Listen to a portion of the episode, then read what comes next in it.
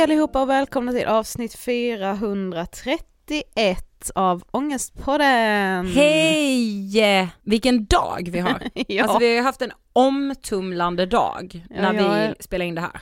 Otroligt mör är jag kan säga just nu. Du har ju gått i någon slags terapi här. Ja, väldigt Precis. snabb terapi, men ja, Ja. vi har varit alltså skrapat på ytan och jag har gråtit. Man kanske får höra på det här också ju. Ja, lite grann i alla fall. Precis. Senare i Ångestpodden. Ja, nej men jag har en liksom, ehm, jag har någon känsla bara, alltså jag vet inte vad det är som bara ligger och puttrar i mig av någon så värdelöshet och, ju- ah, alltså du vet riktigt så. Mm. Suck, suck. Tänker jag på första frågan vi fick i vårt nya format, frågan är när någon sa, är alla känslor ångest för er? Ja, det verkar så. Hade mitt svar varit idag. Ja, Ja, idag är fan känslorna utanpå alltså. ja, ja men verkligen. Ja, Vi har med oss en gäst idag Ja. som liksom, eh, vi har ju vetat vem hon är väldigt, väldigt länge. ja, Nämligen Lina Mackbol, före detta Uppdrag granskningsjournalist eh, och just nu aktuell med boken Revolutionens första offer. Och alltså den här boken läste jag, alltså jag sträckläste ju den på två dagar. Precis, alltså den är ju liksom, den avhandlar ju också en tid som eh, har etsat sig fast, eh, alltså metoo eh, hösten 2017, men framför allt så när Lina får i uppdrag att granska svenska mediers roll under metoo. Men hur- utåt sett så blev det ju att hon granskade liksom fallet, framförallt fallet Fredrik Virtanen, Cissi Wallin. Det var ju liksom inte grunden till granskningen men utåt sett var det det hon höll på med. Precis. Vi kommer ju prata mycket om Sissi i det här avsnittet Mm. eh, och vi kommer också prata om, ja men hur Lina, vad Lina fick eh, utstå och ta emot under den här tiden och hur medierna egentligen agerade i en tid då man så här i efterhand hade önskat betydligt mer. Vi rullar intervjun med Lina Mackbol. Varsågoda! Hej Lina och varmt välkommen till Ångestpodden! Tack så mycket. Jättekul att ha dig här. Vi Tack. sa ju det innan, vi har ju alltid varit stora fans av Uppdrag granskning, så det är väldigt fint att ha dig här. Mm, ja, vad roligt. Vi har liksom sett det i rutan sen vi var jättesupunga, känns Ja. det som. Alltså Ja. verkligen. Ja. Men, men du ska få berätta, för de som inte vet, vem är du? Ehm, jag, ja, vad fan börjar man med det? men, nej men jag, eh, jag heter Lina och har i många år jobbat som reporter på Uppdrag granskning, Sveriges Television. Eh, och jag har varit baserad i Göteborg. Jag är från Stockholm, men jag har bott i Göteborg ganska många år nu. Eh, nu jobbar jag faktiskt inte på UG längre, eh, sedan ett år tillbaka, utan nu jobbar jag med en true crime-serie som kommer till hösten, som görs eh, SVT Samhälle i Göteborg. Ehm, ja, det kan man säga. Det är jag. Jag är 50 år, fyllde år för en månad sedan ungefär. Och eh, har tre barn och man. Ja. Mm. Ska jag säga, jag blev så chockad för jag googlade hur gammal du var Ja. innan idag. Ja. Jag bara nej, alltså jag trodde, och då sa, nej men helt Ja. ärligt, då sa jag så här, så, "Vi, vad skulle du gissa? Och vi kom fram till så här 43, 44. Oj! Att det var där vi landade, så Ja, jag blev faktiskt väldigt kul. chockad att du var Ja. 50. Ja, vad kul. Ja. Ja, Men- roligt att höra. Mm. Vad tänker du på när du hör ordet ångest? Eh, typ att eh, jag borde ha det som mellannamn. Eh, nej men jag är ju, ja, ångest. Eh, det, jag tänker inte bara negativa saker utan det, jag, jag tror att det är bra med att ha ångest. Mm. Eh, jag tror att man skulle vara en förfärlig människa om man inte hade ångest. eh, men sen har jag i perioder i mitt liv haft väldigt mycket ångest och i perioder liksom, ja, så här, att man har kunnat hantera den då. Mm. Men har den också varit en drivkraft, alltså i ditt liksom arbete? Har du kunnat använda dig av din ångest? Ja, absolut. Mm. Eh, för att ehm, det, det är ju liksom, på, det tycker jag är en positiv ångest, alltså prestationsångesten, att man, man triggar sig själv till att, eh, nej men vad fan det här ska bli så jävla bra, man får inte nöja sig och man, man ältar det, alltså från det att man börjar med någonting så ältar man det, man kan inte sova, man börjar liksom äta konstigt, eh, man slutar träna. Alltså den, jag kan tycka det är bra ändå för Mm. att eh, eh, man, jag tycker att man är kreativ i den fasen och det kan komma något bra ur det. Ja, jag relaterar. Ja. Eh, Men just nu är du ju aktuell med boken Revolutionens första offer, en berättelse om en granskning. Eh, och den handlar ju om din granskning av medierna under metoo-hösten. Eh, alltså vill du först bara berätta, varför ville du skriva den här boken? Mm, jag fick ju det här uppdraget då 2018 av min chef Nils som ville att jag skulle titta på hur medierna de publiceringar som hade varit under metoo hösten 2017. Eh, och eh, ganska tidigt under den processen så eh, skrevs det och sades en massa saker om mig. Eh, och eh, det slutade med att det var ganska många människor på framförallt sociala medier som påstod en massa saker om mig som inte var sanna och eh, eh, det där gjorde att eh, ja, det, det blev väldigt stort då.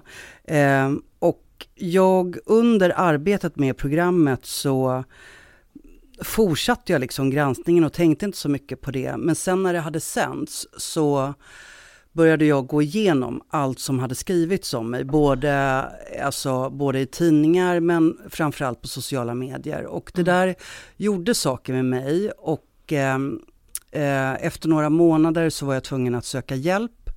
Eh, min man och en personalchef på SVT var på mig om att eh, eh, att jag borde söka hjälp för att jag blev paranoid, jag kunde inte sova, jag eh, hetsåt ibland och eh, mådde inte bra. Och eh, när jag väl sökte hjälp så fick jag diagnosen PTSD, alltså posttraumatisk stress. Och den hade jag väldigt svårt att acceptera. Och det tog, ja, det tog jättelång tid innan jag accepterade den och jag accepterade den, det gick ytterligare två år. Ehm, och då var jag tvungen att sjukskriva mig och var sjukskriven en längre tid. Ehm, under den här processen så fick jag frågan om att skriva en bok om allt som hade hänt.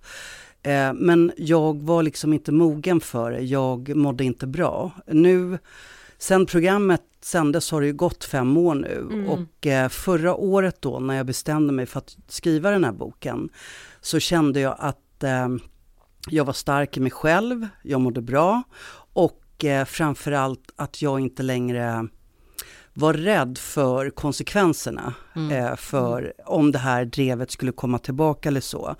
Så då kände jag att jag ville skriva den framförallt för att ge min version på vad som hade hänt. För att fortfarande än idag kan jag möta folk som påstår en massa saker om den granskningen eller om mig som gör väldigt ont för att det är inte sanna saker.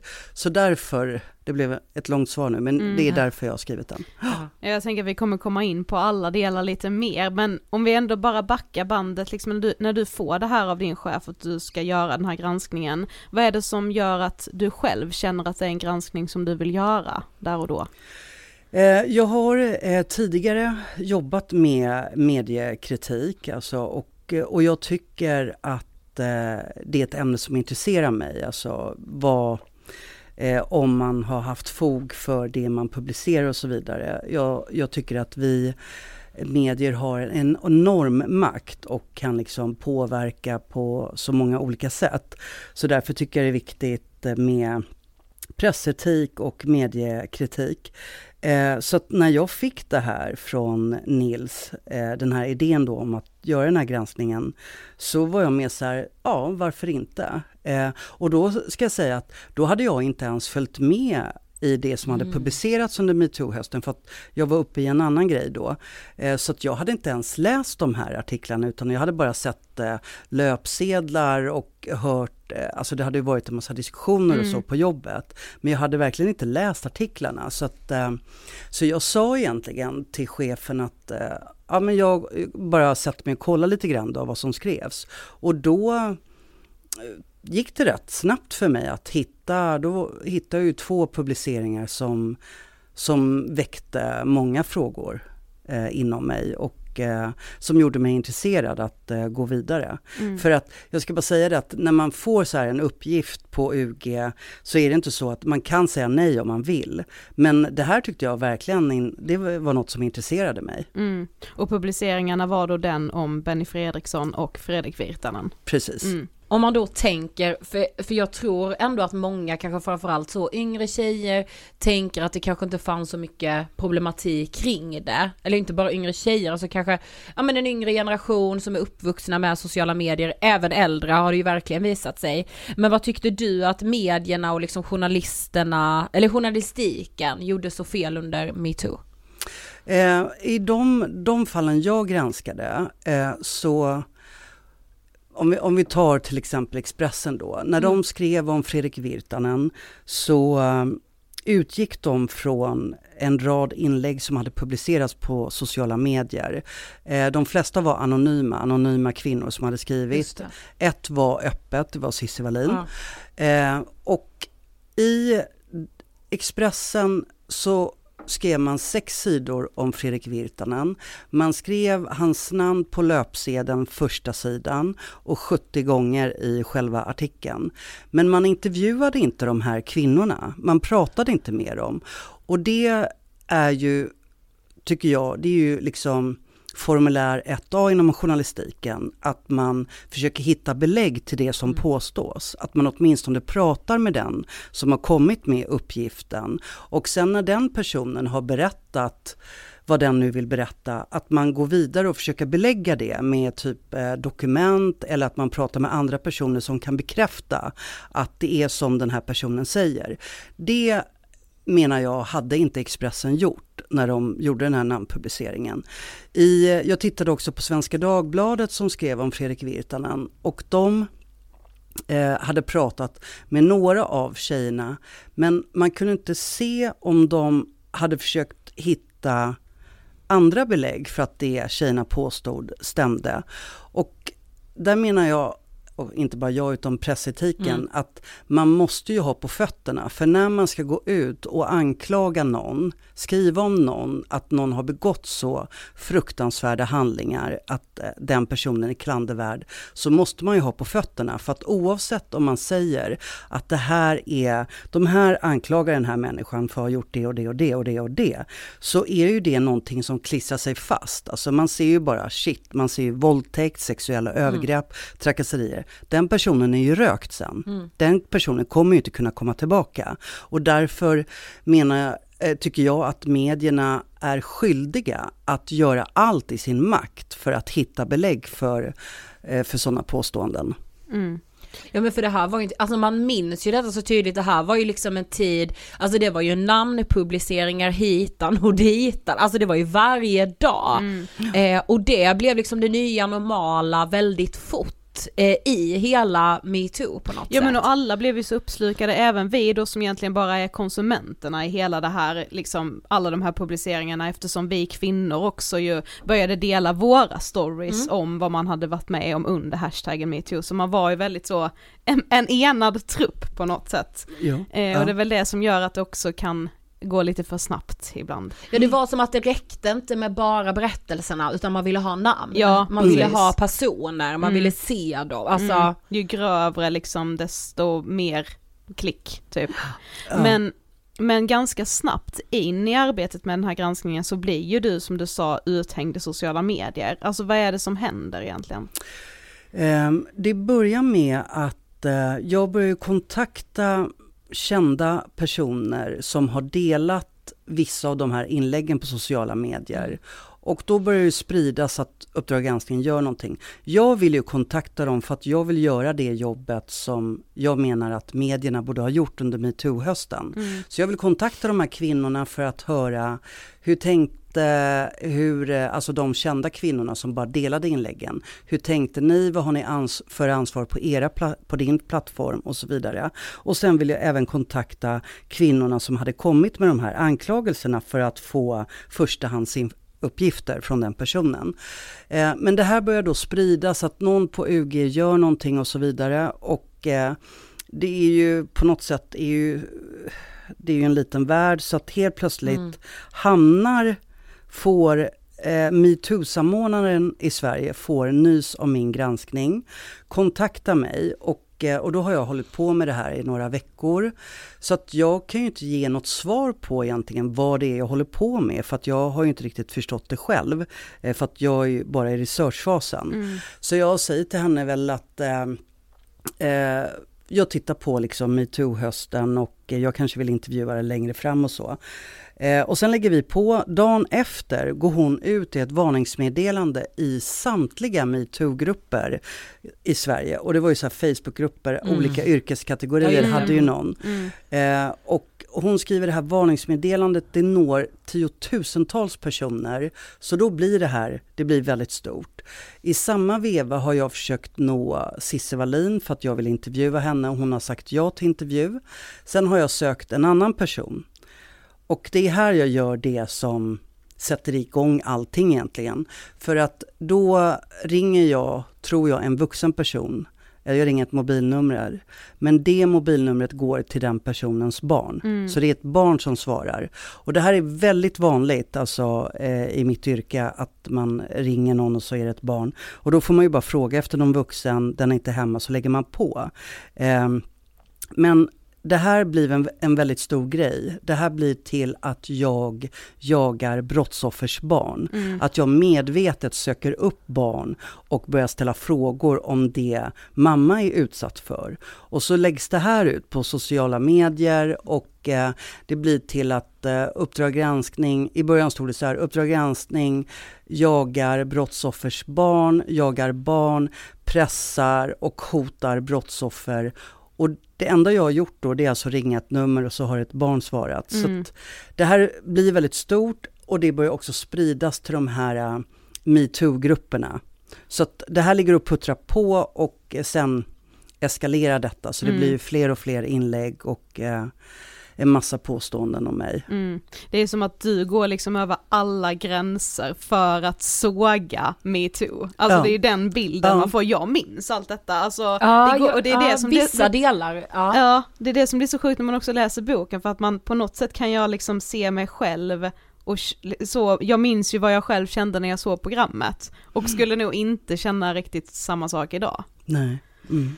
Ja men för det är ju lite som att du blir uppmålad som att du vill liksom smutskasta hela metoo-rörelsen. Mm. Alltså hur känns det att få liksom den, för det var ju du aldrig ute efter. Nej, nej verkligen inte. Jag, mitt fokus var ju medierna. Mm. Men för att kunna göra det jobbet var jag ju tvungen att, att prata med eh, de som hade skrivit på sociala medier. Men det är klart att jag när det börjar skrivas om mig, för att senare under granskningen då, och det här är före programmet sänds, så kommer det ju en rad inlägg där man också skriver ut mitt namn.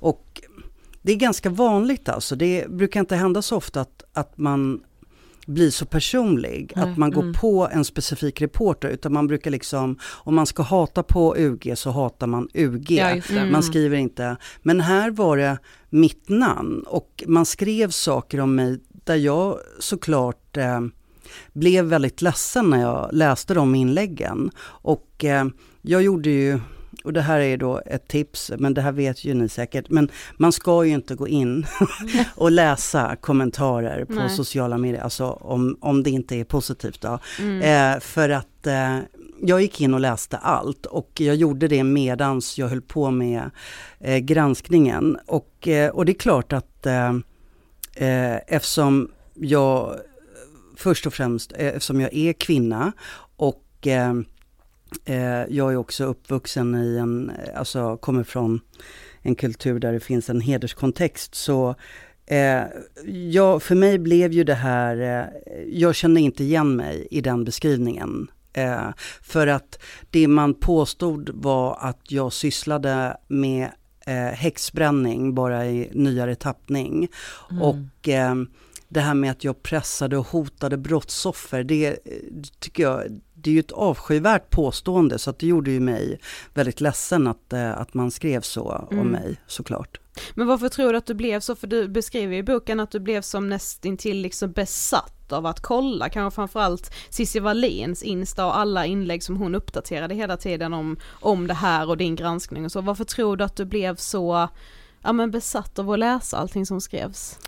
Eh, den här besattheten kom ju efter sändning eh, mestadels. Men jag tror att eh, om jag då får hobbypsykologisera mig själv. Men det får man i ångestfonden. Ja, ja, vad skönt. Det är det enda vi gör här. nej, nej, men jag, jag, tror att det är inte det en form av kontroll? Att jag vill kunna kontrollera situationen. Mm. Och det är som att jag för mig var det väldigt viktigt att ingen annan kom och berättade för mig, har du sett vad det står om dig Lina. Ja, Utan jag ville se det först. Mm. Så att för mig blev det ju så här att eh, när jag vaknade på morgonen så gick jag in och kollade allt och innan jag gick och la mig så kollade jag allt. Och hade jag svårt att sova på natten så gick jag också in och kollade och började skärmdumpa och liksom eh, skapade en shitlist i min mobil också. Mm. Eh, på folk som hade kommenterat och sådär om jag kände igen namnen.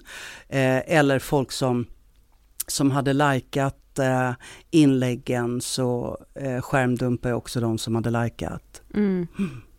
Ja men för jag tänker, alltså nu som du sa att du liksom under tiden du gör granskningen så är du ändå, ändå inne och läser. Jag tänker att många då kanske hade avbrutit nästan. Att, för alltså som du också beskriver, man mår väldigt dåligt, man läser det här om sig själv. Vad är det som får dig att fortsätta? Jag, jag tror att jag naivt eh, nog tänkte att när man väl ser programmet så kommer man förstå mm. vad det är jag har granskat och vad det är jag har gjort. Och då kommer man förstå att det här stämmer ju inte det som man har påstått om mig. Ja, mm. eh, men det var ju verkligen feltänkt för att folk eh, blev ju inte glada efter sändningen heller. Men man kan också läsa mellan raderna i boken att under tiden du gör granskningen och kanske även efter att det blir dels ganska mycket alkohol och också att du hetsäter för att liksom på något sätt hantera den här situationen. Alltså hur skulle du beskriva din mentala hälsa här? Eh, bara säga att alkoholen kom in efter sändning, men ja. hetsätningen var där i början. Eh, alltså, jag kan väl säga, det här kanske låter lite tokigt då, men, men jag brukar bli sådär eh, inför alla publiceringar jag gör, mm. att eh, i slutfasen så, så blir man så här, man blir nästan lite manisk. Mm. Man eh, käkar dåligt, slutar träna, eh, man tänker hela tiden hur man ska formulera allting i programmet, hur man ska ändra i manus, alltså det ligger bara och maler här bak. Mm. Eh, men det som tillkommer i den här granskningen var ju att eh, att jag också var rädd. Jag kände mig rädd och eh, orolig. Eh, var det en ny känsla? Hade du ja, aldrig känt så innan? Inför? Nej, inte, mm. inte orolig utan jag brukar liksom mer här var det, det var ju så mycket också som hände i slutet inför att vi skulle sända. Eh, som gjorde att eh, det var så svårt att veta vad är det som kommer hända när vi sänder. Alltså, mm. För folk var ju så himla arga. Det. Alltså det var ju folk som skrev att de ville slå mig. Folk som önskade att jag var död. Så mm. det är klart att eh, då, det fanns en oro där. Mm. Men om vi tänker då alltså i ett, um, i ett tidsperspektiv. Hur länge håller du på med granskningen och när sänds den? Eh, det vanliga är, det kan ju ta allt från Ibland kan man hålla på i ett år och så. Ja. Eh, men här höll jag på, jag började 8 februari och det sändes 30 maj. Ja. Eh, fyra ja. månader höll jag på. Mm. Ja men för när ni nästan är helt klara med, med programmet så bestämmer ju sig Cissi Wallin för att medverka i en intervju. Eh, och det har ju du försökt få till länge, men hon har tackat nej, men sen då eh, säger hon ja. Eh, vad känner du då? Då, ja, eh, då blir jag ju såklart eh, chockad först, för att jag mm. tänkte men hon har ju sagt nej överallt. Hon har ju gått ut i medier och på sociala medier och sagt att hon aldrig kommer ställa upp på Uppdrag granskning. Så det här kommer ju som en chock. Och hon gör detta Alltså samma dag som programmet ska gå till efterbearbetning, att vi egentligen, nu är det klart, nu får Aha. vi inte ändra något mer, utan det ska iväg på efterbearbetning. Men det, självklart så ska ju hon få vara med. Så att eh, jag eh, känner direkt att eh, jag inte vill göra den intervjun eftersom jag vet med mig att eh, jag är påverkad av allting hon har påstått om mig. Mm. Så att jag kommer inte kunna göra bra ifrån mig. Och det här förmedlar jag till de närmaste, alltså på redaktionen. Eh, och vi har diskussioner om detta och man kommer ändå fram till att jag kan historien bäst, därför är det bra om jag gör den. I det här läget så går jag in på toaletten och där bryter jag ihop. Alltså, och det kanske är första gången i den här granskningen jag byt, bryter ihop på riktigt. Eh, men sen så går jag ut och så försöker jag igen. Och då ska jag säga då att jag säger ju inte till mina kollegor, jag bröt ihop nu, utan jag, det blir lite så här duktig flicka, nej men det är klart att jag fixar det här. Mm. Eh, och och då tycker man väl att nej, men hon verkar väl må bra, så det är väl bra om hon gör detta då. Hon eh, kan ju nu tänka sig att göra det. Ja. Så att jag och min producent Henrik åker upp till Stockholm och då Eh, Eh, jag lever med en hjärtsjuk man, så att han ger mig en betablockerare och det är första gången jag tar en betablockerare. Eh, för, att jag liksom, för att jag är skitnervös och eh, orolig för vad som ska hända under den här intervjun. Till saken hör att eh, att Cissi Wallin har lagt ut i en metoo-grupp med flera tusen medlemmar var intervjun ska göras och vilken tid. Och det tycker jag är en lite obehaglig känsla. Det, det väcker det hos mig. Så att eh, vi flyger upp till Stockholm och det här är tidigt på morgonen.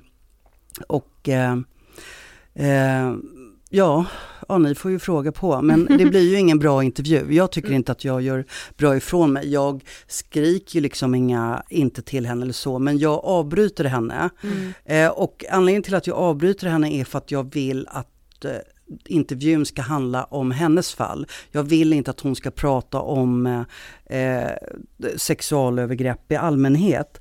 Ehm, eh, och, och då avbryter jag henne och ehm, det här, eh, det väcker ju eh, en jävla massa ilska hos många mm. för att eh, eh, när vi, den här intervjun tar ju bara 14 minuter och mm. eh, när vi är klara där får hon ha med sig ett eget filmteam och det har jag verkligen inga problem med för jag tycker att om jag kör upp en kamera i ansiktet på någon så får ju de göra det på mig också så det har jag verkligen inga problem med. Det är ganska ovanligt att man gör så. Folk brukar oftast spela in våra intervjuer med mobiltelefon. Mm. Men här har hon med sig ett eget team och eh, när vi landar i Göteborg, för att vi har ju väldigt bråttom tillbaka till Göteborg, då har hon lagt ut en ihopklippt version av den här intervjun med alla gånger jag har avbrutit henne.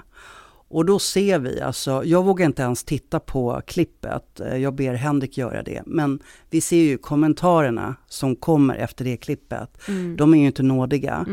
Um, och då har ni inte ens sänt Nej, då har vi inte ens sänt nej. programmet. Så man har ju redan ja. en bild av vad programmet ska ha för vinkel. Ja, liksom. ja. Mm. och hon skriver också att hon är gravid i sjunde månaden och mår jättedåligt och sådär. Och att jag avbryter henne barskt flera gånger, att jag inte tittar henne i ögonen. Det där att jag inte tittar i ögonen, det gör ju inte knappt mer heller här. Jag bara, det är ju en nervositet, alltså mm. man, eh, ja. Mm. Men eh, men jag gjorde inte bra ifrån mig där, eh, för att eh, såklart hade ju inget av det här hänt om jag eh, hade ställt mina frågor eh, vänligt och inte hade ifrågasatt någonting av vad hon hade sagt. Men nu blev det ju att... men varför tror du att du gjorde det? nej men jag tror att en anledning var att jag hade bestämt mig att hon ska prata om sitt eget fall. Mm. Den andra anledningen var att eh, eftersom hon hade, hon hade ju i ett tidigare läge så hade ju vi, eh, när vi hade försökt få henne att ställa upp på intervju, så hade ju jag eh, ville hon ha alla frågor. Och då, för att vara schysst, så hade jag mejlat henne alla mina frågor, alltså specifika frågor, inte sådana här luddiga frågeställningar. Och det gjorde jag för att jag tänkte att det är ju två saker med henne. Dels är hon metoo-rörelsens eh, frontperson, mm. men hon är också ett potentiellt våldtäktsoffer. Mm. Och då tycker jag att i ett sånt läge så tycker jag att då ska man få alla exakta frågor för att man i lugn och ro ska få förbereda sig eh, och komma med vad man vill svara. Mm. Så jag gjorde ju det för att vara schysst. Men det här, hon lägger ut de här frågorna och eh, folk blir väldigt arga på några av dem och tycker att eh, det är helt sjukt att jag ens kan ställa de här frågorna. Eh, och även på redaktionen så var det kollegor till mig som reagerade på att jag hade skickat exakta frågor. För att så brukar vi inte jobba på Uppdrag granskning. Just för att folk kan missförstå dem, lägga ut dem, sprida dem och sådär. Men, mm. men här, jag var ju otroligt naiv. Här tänkte jag att det är väl en schysst grej att göra. Eh, och så att när jag hamnade där framför henne under intervjun så har jag valt bort några av frågorna för att eh, jag vill inte att det ska bli en konflikt, jag vill inte mm. eh, att hon ska bli kränkt. Och eh, jag hade istället tänkt att ta det hon säger om det hade jag istället tänkt att förmedla i speaker i programmet mm. eller genom olika arkivinslag som vi redan hade på henne. Så att hon skulle ha fått svara på dem.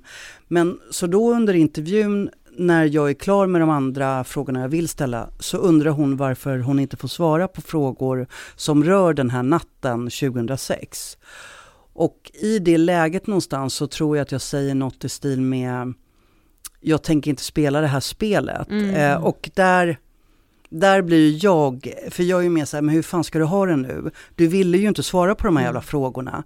Eh, men så, att, eh, så där kan man väl säga att min irritation lyser igenom och eh, jag svarar på ett sätt som bara, ja, det blir bara fel för mig liksom. Mm. Eh, men det här blåses upp så att det blir ju väldigt stort. Jag, jag ska också säga att det är många som har sett den här intervjun som inte riktigt förstår så, vad det är jag gör fel.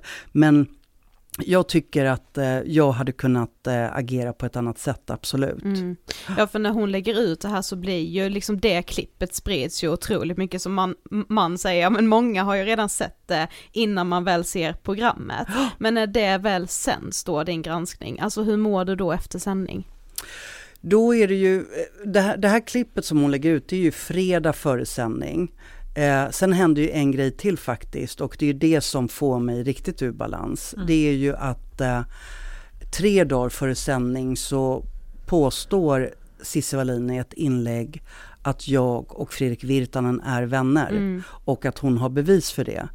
Och det här går ju så långt så att eh, mina chefer funderar på att inte sända programmet överhuvudtaget.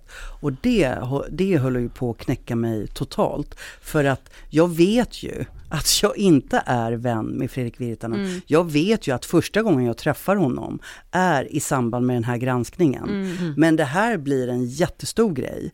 Och eh, tidningar skriver om detta och då är det lite grann, det blir så som meta på meta, så det blir som att jag granskar hur medierna agerade och hur de påstod saker om folk.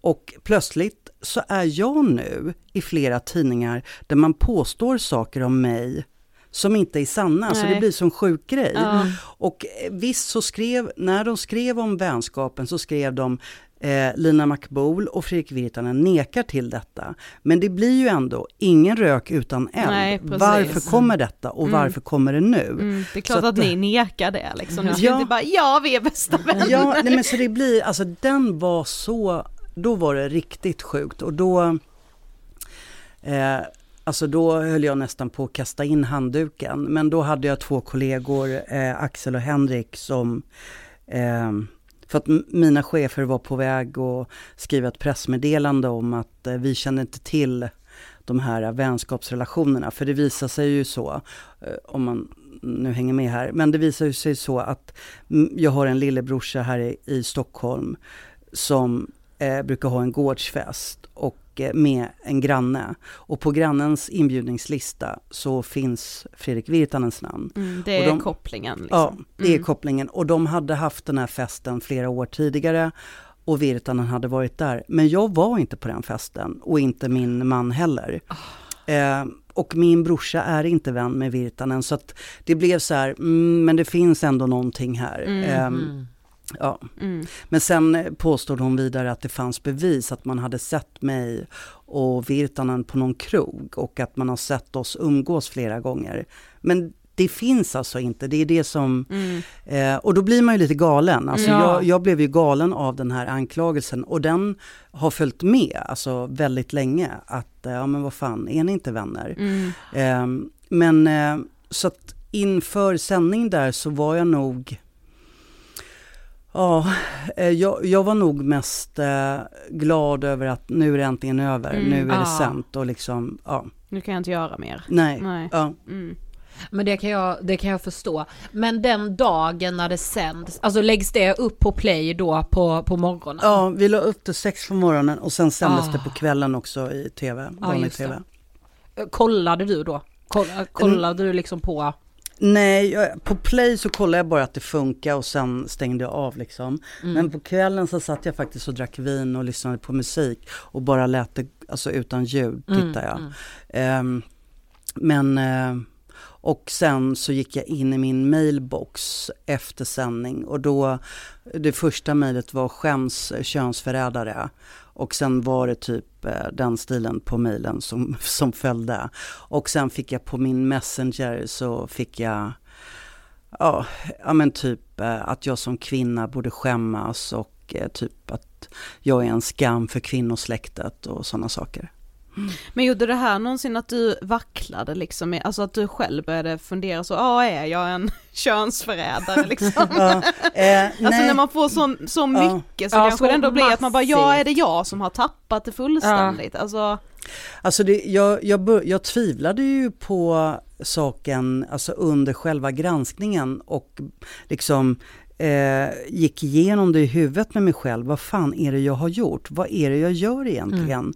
För att jag ställer ju frågor här. Jag vill ju veta vad det är som har hänt. Jag vill att kvinnorna själva ska berätta med egna ord eh, vad de menar att de har varit med om. mm. Och, och då eh, hade jag inga krav på att eh, man ska göra det med en kamera uppkörd i ansiktet eller typ att man ska, eh, att det ska sitta massa folk och sådär och jag ska liksom korsförhöra dem. Utan jag ville ha liksom ett, ett samtal så att vi kan ses, ta en kaffe, så kan du få berätta för mig. Mm. Och jag hade inte heller som krav att du måste ställa upp i programmet, Nej, utan mm. jag ville bara höra, jag ville att de Mm. med egna ord, eftersom tidningarna hade ju inte kollat de här uppgifterna. Men så därför så hade jag liksom lite svårt att förstå eh, den här ilskan. Men senare när jag eh, gick igenom vad som skrevs och påstod om mig så, så har jag landat i att eh, när metoo kom, när det, alltså revolutionen kom till Sverige, så var den efterlängtad. Och Mm. det var väldigt många som kände att nu jävlar ska vi ut och berätta vad fan vi har varit med om och så vidare. Mm. Och det blev eh, att det här är en god sak och nu ska vi unisont eh, gå samman för att göra detta. Och i det blev att eh, då ska man inte ifrågasätta någonting. Man ska bara köpa vad någon berättar Mm. rakt av. Man Mm. får inte ställa kritiska frågor eller så. Och eh, så jag har väl landat i att eh, i Sverige bestämde man att eh, så blev den här revolutionen synonymt med att om en kvinna berättar att hon har blivit utsatt för någonting, köp det bara rakt av, Mm. ifrågasätt ingenting. Mm. Och gör du det, så går du emot den här revolutionen. Just det. Mm. Mm. Och, och det menar jag är ju, ehm, det är klart att folk kan få känna de sakerna och eh, folk får väl tro vad de vill. Men i min roll som journalist så är inte min uppgift att, jag ska ju inte tro en massa saker utan jag ska ta reda på fakta. Ja. Och här, det var ju det jag försökte göra här i min yrkesroll. Så att jag vacklade inte eh, som med granskningen och vad jag höll på med, utan jag tycker att det var en, en viktig och relevant granskning som vi gjorde. Mm. Eh, ja men för utifrån när man såg programmet så var, eller jag kände det då, jag tror många kände det att att man såg programmet att det mer var att det handlade om en granskning av Cissi Wallin, eh, en av mediernas roll under metoo. Eh, och programmet blev ju också fällt för intrång i Cissi Wallins privatliv, men ni friades på punkterna kring att ha varit partiska och osakliga. Eh, kan du förstå att ni fälldes på den punkten och hur, det, alltså hur programmet kan ha uppfattats? Eh, jag, jag kan eh, förstå, om, om vi börjar med hur det uppfattades, Mm. så eh, är min tolkning att det uppfattas så för att det här drevet var så massivt och det var den här bilden som gavs Mm. i inläggen som skrevs om granskningen. Eh, så jag tror att det är därför man får den känslan. Mm. Men om man tittar på programmet som tyvärr inte finns på SVT Play längre, så är biten som rör Cissi Wallin och eh, Fredrik Virtanen är bara några minuter lång. Programmet är en timma. Mm. Så att då tycker jag att det blir liksom fel att tolka det på det sättet. När det gäller att vi fälldes för intrång så eh, blev ju det här programmet rekordanmält. Det har fortfarande rekordet på SVT, Mm. 2187 anmälningar. Eh, och Cissi Wallin hade inte anmält det, utan granskningsnämnden vände sig till henne för att om man ska pröva intrång i privatlivet så måste den som känner sig kränkt ha anmält. Så de Aha. vände sig till henne. Och då säger hon att hon vill få den saken prövad. Och där menar jag att jag har, eh, jag kan köpa att vi fälls för det. Men jag tycker då att då borde man egentligen ha gjort samma sak med Virtanen.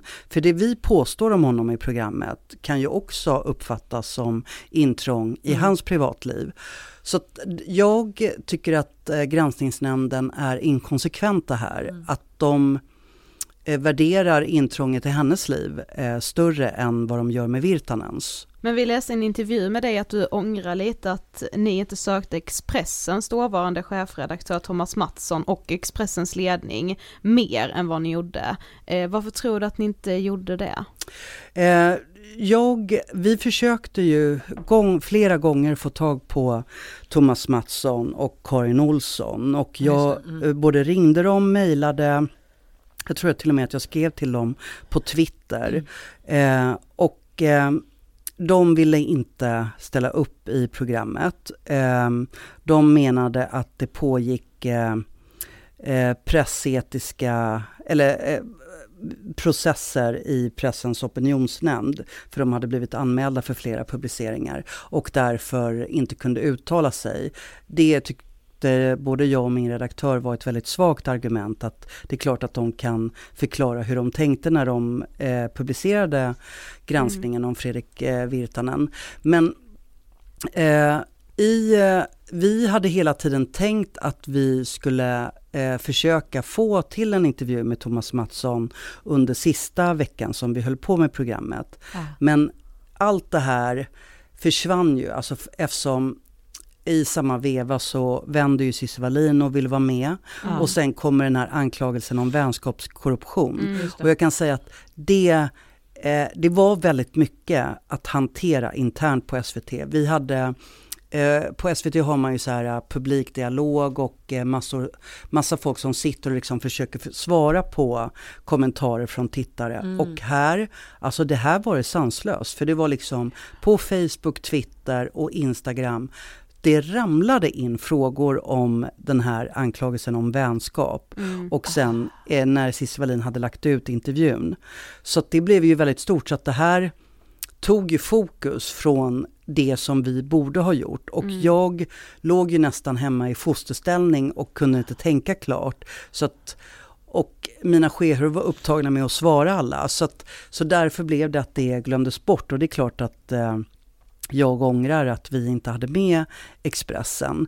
Eh, och jag ångrar även att eh, vi i programmet inte var tydliga med vad journalistik går ut på Mm. och hur man ska tänka kring publiceringar, alltså när man hänger ut folk till höger och vänster. Alltså att man, man kanske hade kunnat intervjua pressombudsmannen, Mm. nu heter det ju medieombudsman Ja, tror jag.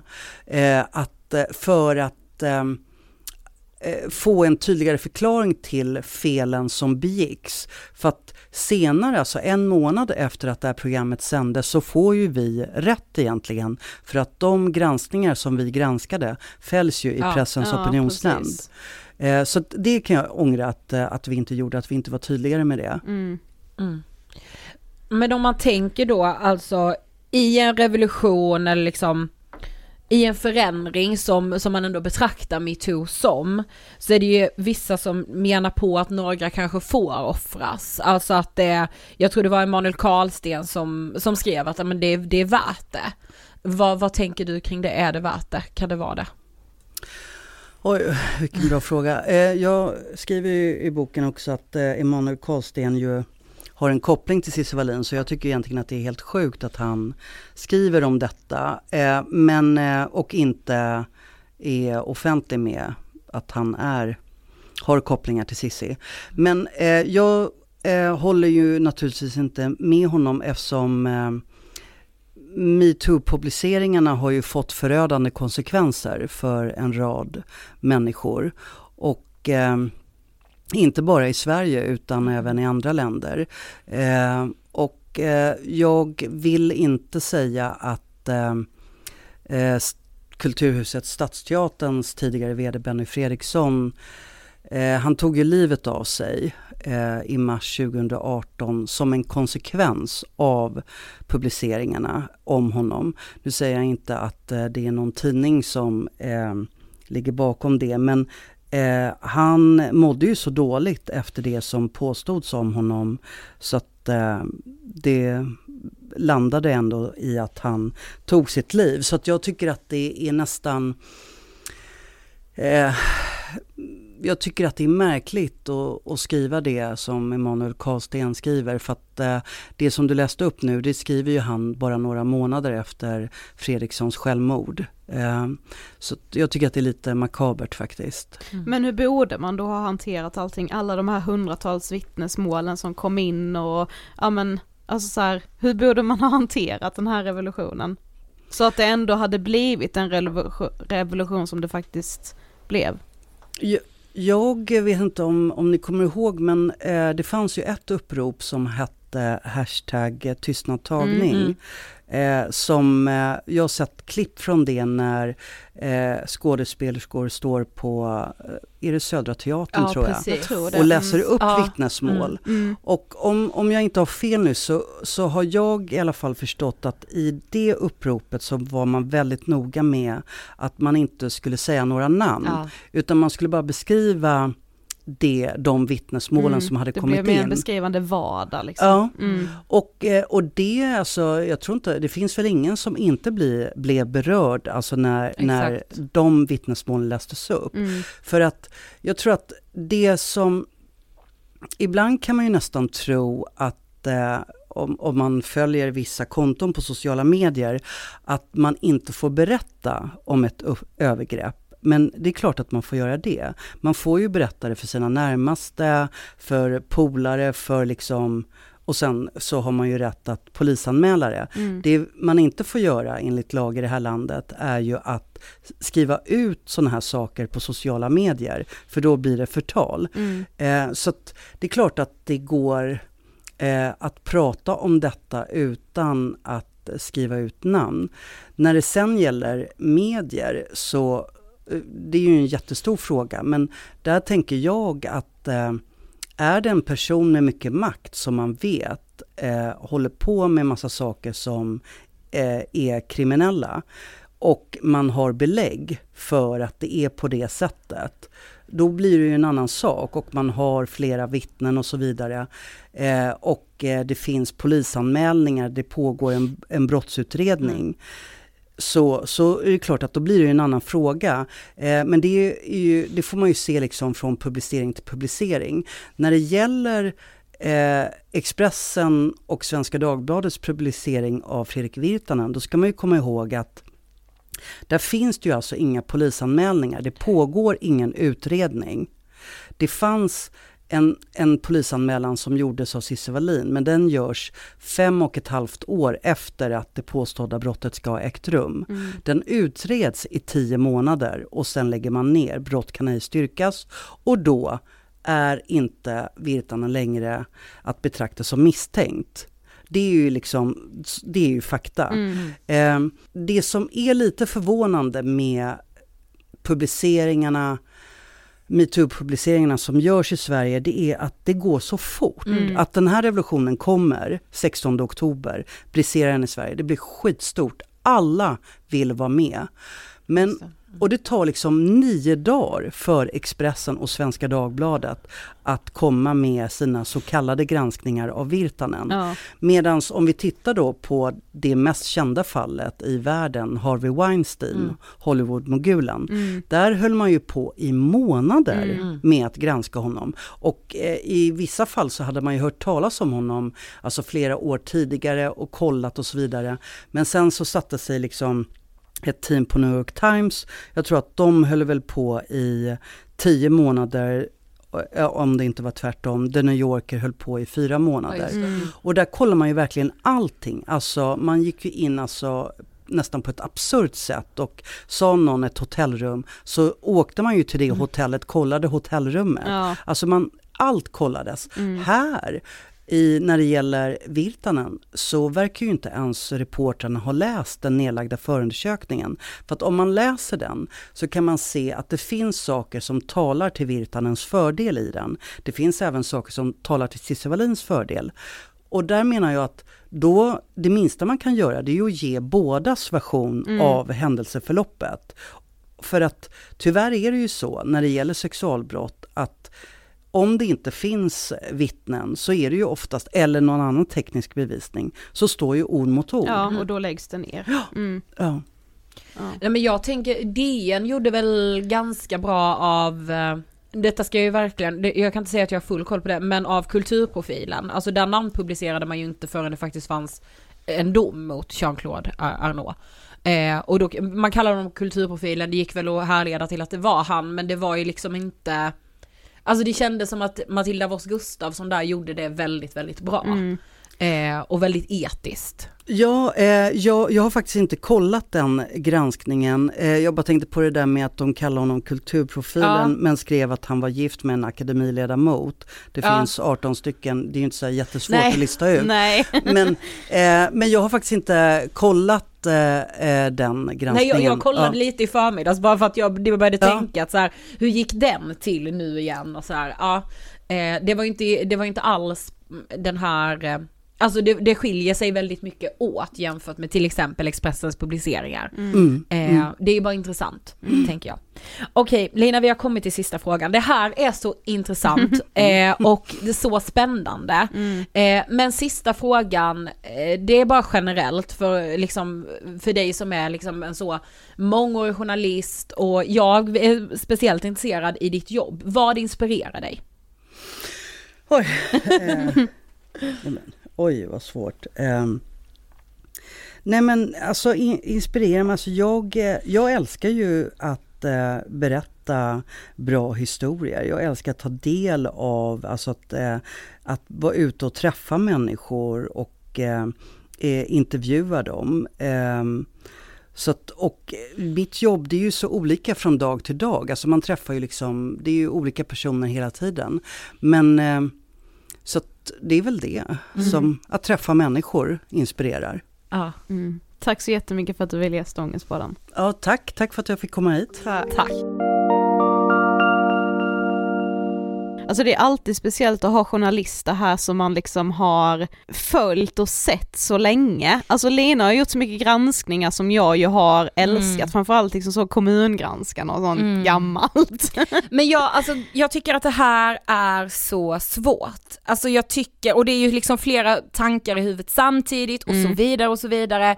Men jag har starka minnen från när den här granskningen gjordes och jag var vansinnig. Ja, Jag var men jag var också topptunnor. extremt färgad av sociala medier. Självklart, men jag tycker, jag måste säga att jag fortfarande tycker att det är svårt Eh, för i mångt och mycket tycker jag ju inte att rättsstaten ser till kvinnors bästa. Jag tycker inte att vi lever i ett rättssäkert samhälle för kvinnor. Jag vet inte hur vi ska komma till bukt med det eller hur vi ska komma runt det och vad som krävs i en revolution. Jag har inte landat i det, Nej. men jag tycker att Linas berättelse är enormt viktig. Boken är ju släppt, revolutionens första offer och som sagt det var väldigt, eh, ja men det var extremt intressant läsning, speciellt när man liksom fortfarande har så starka minnen själv till metoo-hösten Mm. och jag minns också den här granskningen eftersom Lina, jag visste ju vem Lina var innan hon gjorde Ja, den granskningen ja, ja. som sagt eftersom det är en journalist som jag har följt länge liksom. Mm. Och jag minns också den här vreden jag kunde känna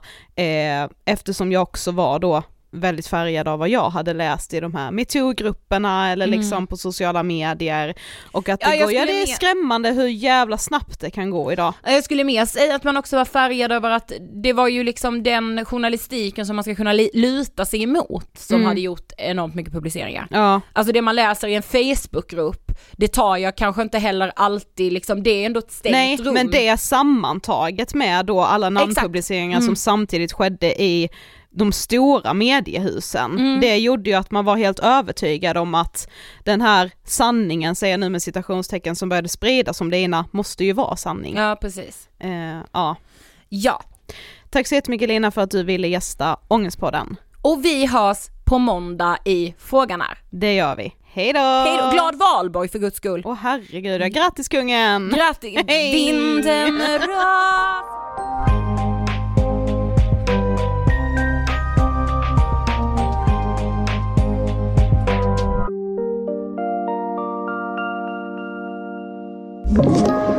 Podplay